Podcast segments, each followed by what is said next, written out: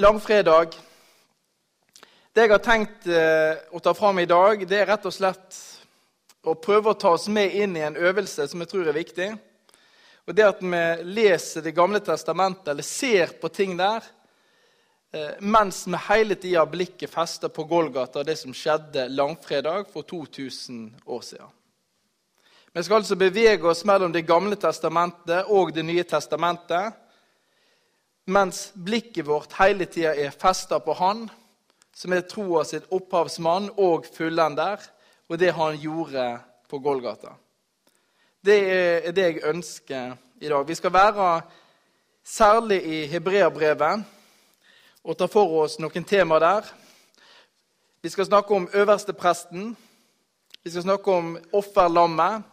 Og så skal vi bevege oss inn mot et folk alle folk, et utvida folk, som han skaper på Golgata. Jeg ber før vi begynner. Himmelske Far, takk for din nåde. Takk for langfredag. Takk for at du gikk via Dolorosa, opp på korset for oss. Og så ber jeg om at budskapet, påskebudskapet, må få leve i oss, ikke bare i påska og disse påskemøtene, men hele året. For du har virkelig kommet, du har dødd, og du har stått opp igjen. Og du fortjener all ære i all evighet. Amen. Litt eh, før vi begynner så Hebreabrevet skriver jo noen plasser om eh, en skygge. Loven, blant annet, inneholder bare en skygge av alt det gode som skulle komme, står det i kapittel 10. Det inneholder ikke det sanne bildet av tingene. Og hva menes med dette? Jo, hebreerbrevet maler jo framfor oss at loven, de rituelle handlingene, prestetjenesten osv. Det var innsatt av Gud, men det var ikke det ekte. Det var noe annet som sto der som det sanne, som det ekte, som det evige. Og så skinner noe på det ekte, sånn at skyggen faller ned, og skyggen det er da loven. Loven inneholder bare en skygge av alt det gode. Og Det siteres også fra kapittel 8 i brevbrevet. Da snakkes det om Moses, og vi skal komme inn på det mer òg, at han fikk jo se et forbilde når han gikk opp på fjellet. En modell av det originale som han skulle etterligne. Da er det snakk om tabernaklet. Så det fins altså noe i det himmelske som kaster skygge. Og Brevbrevet ønsker å åpne opp hva er det som er det ekte. Hva er det som virkelig gjelder? Hvem er den evige øverste prest? Hvem er det evige offerlam? Hva er det det handler om egentlig? Og På den måten tenker jeg jo at det er brevbrevet framfor kanskje noe annet brev i Det nye testamentet og det er jo òg i navnet, brevet til hebreerne, er det brevet som viser kontinuiteten. Som viser for oss at Jesus fra Nasaret han virkelig er Israels Messias og verdens redningsmann. Den evige prest og det evige offer. Jeg kjenner en litt som heter David Sadok. Jeg vet ikke om dere vet hvem det er, men Han er en leder i Israel, pastor. Har vært der i mange år tror han nærmer seg pensjonsalder, men det er jo ikke alle pastorer som pensjonerer seg. så jeg vet ikke helt hva han har tenkt. Utrolig flott mann. Så hvis du har lyst til å bli kjent med én leder til i Israel, så kan jeg anbefale David Sadok. Og Han skriver altså om dette temaet på langfredag. Eh, nå leser jeg et engelsk sitat, men jeg skal oversette etterpå. We are beyond promises, types and shadows of the Old Testament standing in the fulfillment, antitypes and substance of the New Testament. Det er altså en jøde som skriver dette. Og Så står han frimodig i Israel og så proklamerer han at nå er vi kommet et stykke lenger. Vi er ikke ferdig med Det gamle testamentet, men vi leser det i et nytt lys. Vi leser det i et lys fra Det nye testamentet, der vi ser oppfyllelsen, vi ser substansen, vi ser hva som er ekte. Så vi leser Det gamle testamentet, Det er jo egentlig det han sier. Med blikket festa på Golgata. Med blikket festa på Jesus. Og det er det jeg ønsker at vi skal komme inn i. Langfredag og påskeuka er jo noe av det viktigste Det nye testamentet forkynner oss.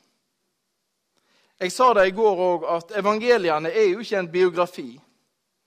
Hvis evangeliene, både Matteus, Markus, Lukas og Johannes, skulle være biografier, så er det nesten strykkarakter. For en biografi skal jo brette ut hele livet. Det gjør ikke evangeliene.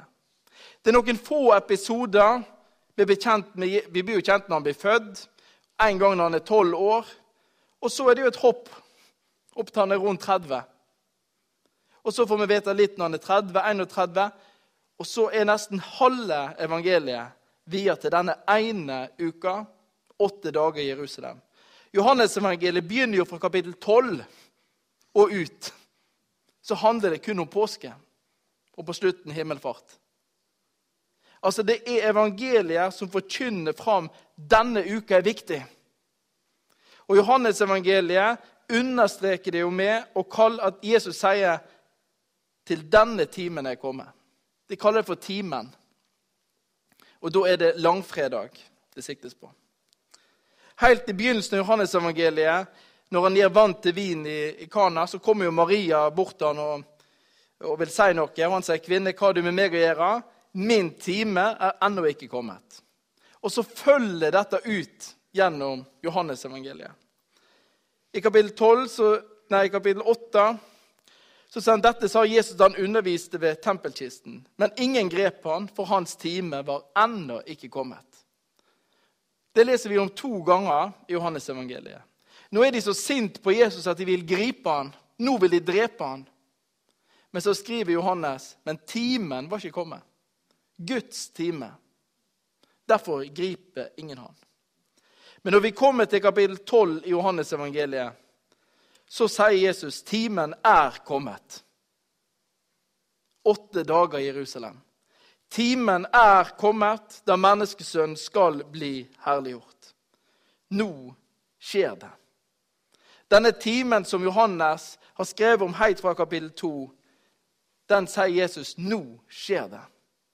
Og når han henger på korset, så skriver Eller ja, nå hopper jeg litt fram. Men når Jesus, rett før de skal komme og ta han i Getsemane, så sier han, 'Far, timen er kommet. Herliggjør din sønn, så sønnen kan herliggjøre deg.' Timen er kommet.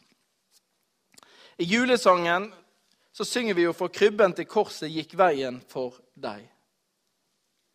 Og det er jo denne djupe, djupe sammenhengen fra krybba til korset, fra jul til påske. Og det engelen òg sier til Josef når han eh, får besøk av engelen altså, Maria hun skal føde en sønn, sier engelen, og du skal gi navnet Jesus, for han skal frelse sitt folk fra deres synder. Her har du det viktigste. Vi lever jo i en tid der Noen vil kanskje si at ja, men Jesus det viktigste han gjorde, det var jo å lære oss en filosofi, en moral, etikk. Og jeg er enig med at det gjør han.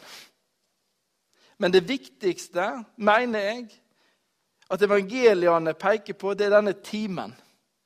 Og den evangeliene vier aller mest plass. Påska, langfredag.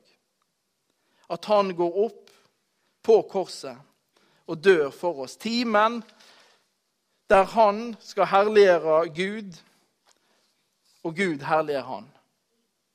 Langfredag.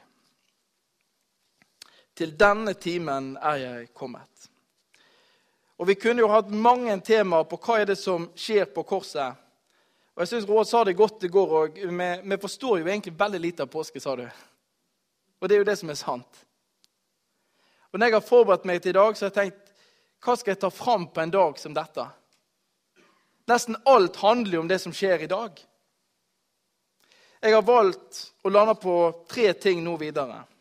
Det jeg sa innledningsvis, noe med Jesus som prest på langfredag, Jesus som offer og Jesus som den som forener alle folkeslag i seg på langfredag. I Hebrevbrevet så vies denne tematikken nesten hele brevet, fra kapittel 4 til og med nesten ut kapittel 10.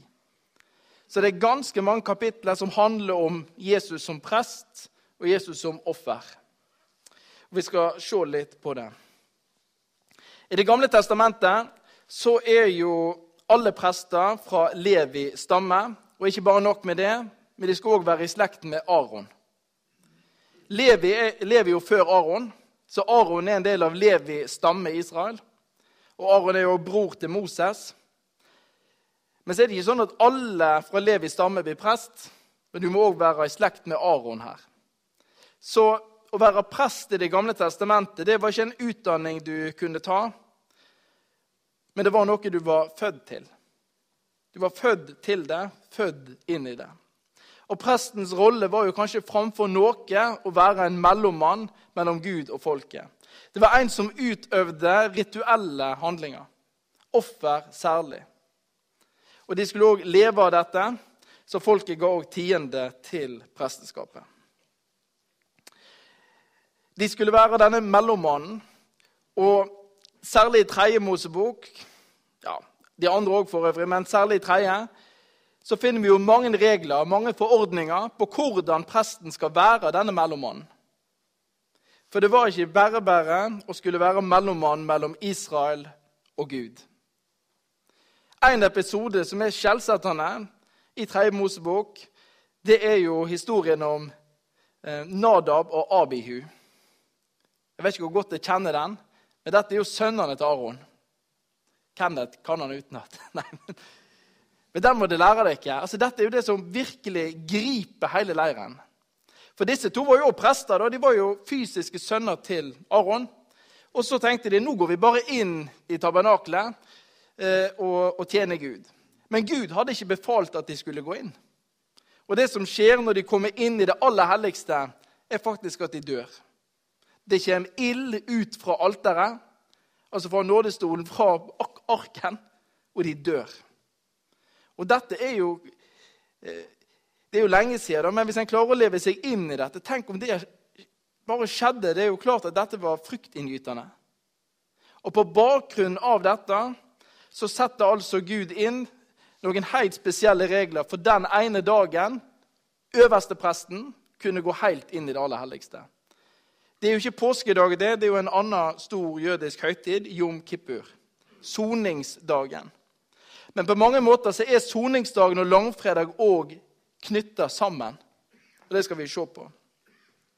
På denne soningsdagen, jom kippur, så skulle altså øverstepresten eh, stå fram. Og det var tre dyr som er i Ja, nå blir det jo veldig muntlig, men i sving denne dagen. Altså Det er en kalv, og så er det to bukker. Kalven, eller oksen, den måtte øverstepresten ofre for sin egen synd. For han hadde jo synd og skyld, sånn at han kunne tre inn og gjøre soning for folket. Den ene bukken skulle presten legge hendene på og bekjenne Israels synder over. Og så skulle bukken sendes vekk. Det var syndebukken. Den siste eller andre bukken skulle ofres som et syndoffer. Og med det blodet, både fra kalven og fra bukken, skulle øverstepresten gå inn i tabernakelet og senere tempelet. Og så skulle han gå helt inn i det aller helligste, forbi dette tjukke forhenget som skilte. Og så skulle han ta blodet og stryke det over horna. Sånn at det dekka lokket ved paktkista, nådestolen, eller soningsstedet. Det var jom kippur. Så denne bukken og kalven var altså et syndoffer som skal gjøre soning for folket. Men så er det ikke kun på Jon kippur at de ofra syndoffer. Det gjorde de hele året. Men da skulle ikke presten gå helt inn i det aller helligste. Da skulle han kun ta blodet, og så skulle han skvette sånn sju ganger foran forhenget som skilte. Det var bildet. Hvis vi nå klarer å være i, i dette mens vi har blikket festa på Jesus, det er øvelsen. Så dette er det altså som skjer når det gjelder syndoffer og forordningene om syndoffer. Det er en årlig offer som skjedde i tabernakelet og tempelet Da skvetta en blod. En gang i året gikk øverstepresten med syndofferet helt inn. Det er syndofferreglene, kort fortalt. Hebreerbrevet eh, løfter jo fram hele dette aspektet. Det første de gjør, det er å problematisere presteskapet. Det levittiske presteskapet. Sønnene til Aron. Og Det bruker overraskende mange kapitler på dette. Dette er viktig for hebreerbrevet å få fram. Så Derfor er det første temaet nå presten. Hebreerbrevet skriver dersom fullendelsen kunne nås ved det levittiske prestedømmet, hvorfor måtte det da komme en prest av et annet slag? En som kalles prest av samme slag som Melkisedek, og ikke som Aron. Sånn argumenterer brevbrevet. Her løfter de fram Aron, altså den første øverste prest av Levis stamme, og så denne andre kongen eller presten Melkisedek. Melkisedek står det jo veldig lite om i Bibelen, utenom i brevbrevet. Vet du hvor det står om han? Det står om han i første Mosebok den ene gangen Abraham Vi er ganske tidlig i bibelhistorien. Abraham kommer til Salem. Mange tenker at det er Jerusalem. Og Han møter altså denne kongen, denne presten, som er prest for den høyeste Gud. Han har ingen far, ingen mor, ingen ettertavle. Han bare kommer inn. Og Abraham gir altså tiende til Melkisedek. Og Argumentet her til hebreerbrevet er jo at du gir jo tiende til den som er større enn deg. Så Melkisedek blir altså presentert som en som er større enn Abraham. Og for en jøde så må det ha vært ja, det, det sier litt, for å si det sånn. Hvis du er i en jødisk kontekst. Større enn Abraham. Større enn Moses. Og Hebreerbrevet er jo fullt av sånne eksempler på at Jesus er større enn. Han er større enn englene, han er større enn Moses, og nå altså han er større enn Aron, og han er større enn Abraham. Abraham kommer altså til denne Melkisedek, denne litt underlige personen. Neste gang vi leser Melkisedek, det er i Salme 110. En messiansk salme. Herren sa til min herre. Det er jo denne salmen som òg blir ja, Jesus siterer, og som Hebreabrevet siterer i hvert fall tre ganger i denne sammenhengen. I Salme 110 så står det 'Du er prest til evig tid på Melkisedeks vis'. Og det er altså dette lille setninga, én plass i Salmenes bok, som Hebreabrevet nå vier et helt kapittel til. Gud har sagt at det skal komme en, Messias, og han skal være prest på Melkisedeks vis. Og Det er jo dette som er hele argumentet det bygges opp til. Hvorfor sa Gud det om Messias? Hvis det levittiske prestedømmet var det beste? Jo, fordi at ja, Poenget er jo at det var ikke det. Gud hadde noe bedre i tanke. Og Argumentene er Nå kommer jeg med fire argument. Som brevbrevet lager. Én Jesus han er den evige øverste prest. Det er det første argumentet her. Og Derfor løfter brevbrevet fram denne Melkisedek. For Melkisedek kom altså inn uten far og mor, uten ettertavle. Hvem er han? Ingen veit. Han bare kommer. Og Det er òg poenget her til brevbrevet. Messias er den evige. Så når hebreerbrevet bruker Salme 110, så er det jo nettopp at min Herre sa til min Herre. Det er jo spørsmålet Jesus for, eller Jesus svarer på. Hvordan kan David si til sin sønn at han er herre? Da indikerer jo David at hans sønn er større enn han. Og Jesus sier, 'Det er jeg'. Og her er det samme. Jesus han er større enn Melkisedek. Han er den egentlige Melkisedek. Så det er poenget. Han er den evige øverste prest. Nummer to Jesus er ikke fra Levi stamme. Og Dermed representerer han et helt annet prestedømme enn det levittiske. Det er det andre argumentet. Hva stamme er Jesus fra? Jo, han er jo fra Judas stamme. Det er velkjent, skriver brevbrevet.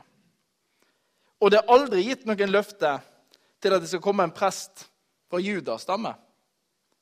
Men når Jesus blir innsatt, så viser han altså at han er fra et annet prestedømme. Han representerer noe annet. Og vi kunne egentlig sagt det med brevbrevets språk. Han representerer det ekte. Det virkelige prestedømmet for Israel.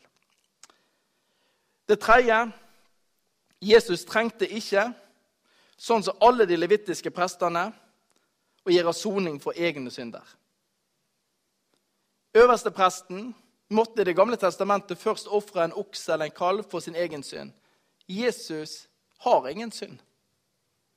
Altså, Vi trenger en sånn øversteprest, skriver brevbrevet. En som er prøvd i alt uten synd. Vi har en øversteprest som ikke trenger å gjøre soning for egne synder. Og det fjerde Da er vi tilbake til Melkisedek. Og dette er jo utro... Altså, jeg, nå vet vi ikke helt hvem som har skrevet hebreerbrevet, men det er, jo, det er altså så utrolig godt skrevet. Nå skal du høre hva han gir som eksiget. Og her, her, lukter det for meg Paulus lang vei, for det er sånn Paulus også tenker i romerbrevet. tenker jeg, på mange måter. Men nå sier han altså hva løftet kom først? Melkisedek. Det er hele poenget hans her. Melkisedek og løftet, altså Melkisedek som prest kom jo flere århundrer før Aron og før Levi. Og Det er jo det fjerde poenget. Melkisedek-løftet er eldre enn det levittiske. Og På den måten så ser vi altså kontinuiteten i Guds store frelsesplan. Og så konkluderer det nå kommer noe bedre. Et håp som gjør at vi kan komme nær Gud. Kapittel 7, vers 19. Jeg syns det er utrolig å lese disse her kapitlene her. Hele tida er blikket festa på Jesus. Og hele tida er tanken òg mellom Det gamle testamentet og Det nye testamentet. Hebrebrevet leser Det gamle testamentet med blikket festet på Han. Og de gjør det på en presis, nøyaktig og for min del, som, som syns dette er kjempeinteressant, veldig oppløftende og oppbyggelig. Hvis jeg skal gjøre én ting nå i påska, så anbefaler jeg å lese hebreerbrevet. Og bruk tid på det. Bla opp i referansene. Prøv å følge logikken og framgangen han bruker. Jesus er altså den største, den evige øverste prest. Og når han er der etter Melkisedeks vis, så kommer det aldri noen nye. Uten far og mor. Nå har jo Jesus far. Men det kommer ingen for Han er evig, det er jo det som er poenget. Og da kommer det heller ingen etter. Den evige øverste prest. Og så har han det fullkomne offerlam. For enhver prest skulle altså være en mellommann mellom Gud og Israel. Og For å være dette så ble han innsatt for å bære fram gave og offer. Han måtte bære fram offer for Gud. Det var den viktigste oppgaven til en prest i Det gamle testamentet. Så du kan si at oppgaven til en prest i Det gamle testamentet er veldig annerledes fra en prest i dag. Veldig. Det er en rituell prestehandling i Det gamle testamentet vi finner på mange måter. Det er masse blod. Det er masse offer. Eh, og det er masse grilling, for de åt jo masse dette òg. Det var det å være prest. Hva er det Jesus bærer fram?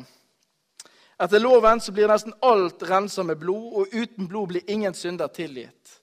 Hva offer er det Messias bærer? Jo, han bærer seg selv. Det er det andre poenget med offer. For det første er Jesus prest, og for det andre sier hebreerbrevet han er òg offer. Han er prest og offer. De blir forent i han.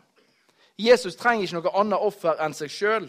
Ikke med blod av bukker og kalver, men med sitt eget blod gikk han inn i helligdommen en gang for alle og kjøpte oss fri for evig. Kapittel 9, vers 12. Her ser du jo med en gang hvordan tanken i en jødisk kontekst blir dratt inn til Jon Kippur. Hvilken dag var det blod fra bukker og kalver? Og hvilken dag gikk han inn i det aller helligste? Jon Kippur. Og så sier brevbrevet det. Ikke med dette blodet, men med sitt eget blod gikk han inn en gang for alle. Og han kjøpte oss fri for evig. Og den helligdommen Jesus går inn i, det er altså den ekte helligdommen. Vi siterte jo helt i begynnelsen her at når Moses var oppe på fjellet så viser Gud han, Det står i 2. Mosebok 25. Så viser Gud han en modell, står det, av den ekte helligdommen. Og Så sier Gud nå skal du gå ned og du lager tabernaklet nøyaktig etter den modellen jeg har vist deg på fjellet. Og Så tar jeg brevbrevet dette fram og sier at da må det jo finnes en original da, som Moses fikk se. Og det er der Jesus nå går inn. I den ekte helligdommen. I den originale, i den himmelske. For loven inneholder altså bare en skygge av alt det gode som skulle komme, ikke det sanne bildet fra kapittel 10. For blodet av okser og bukker kan umulig ta bort synd. Så siterer hebreerbrevet Salme 40. Og Det er utrolig sterkt å, å lese. Blodet fra bukker og kalver kan ikke ta bort synd. Det kreves et helt annet type offer hvis menneskeheten skal bli fri. Og så siteres det, Nå leser jeg fra Hebrebrevet 10, vers 5. Slakteoffer og offergave ville du ikke ha, men en kropp gjorde du i stand til meg. Brennoffer og syndoffer hadde du ingen glede i. Da sa jeg, se, her kommer jeg for å gjøre din vilje, Gud. I bokrullen er det skrevet om meg. Her siteres det fra Salme 40. Og Jeg syns det er utrolig sterkt å lese dette. Foranledningen er jo at hebreerbrevet sier at Kristus sa dette når han kom inn i verden.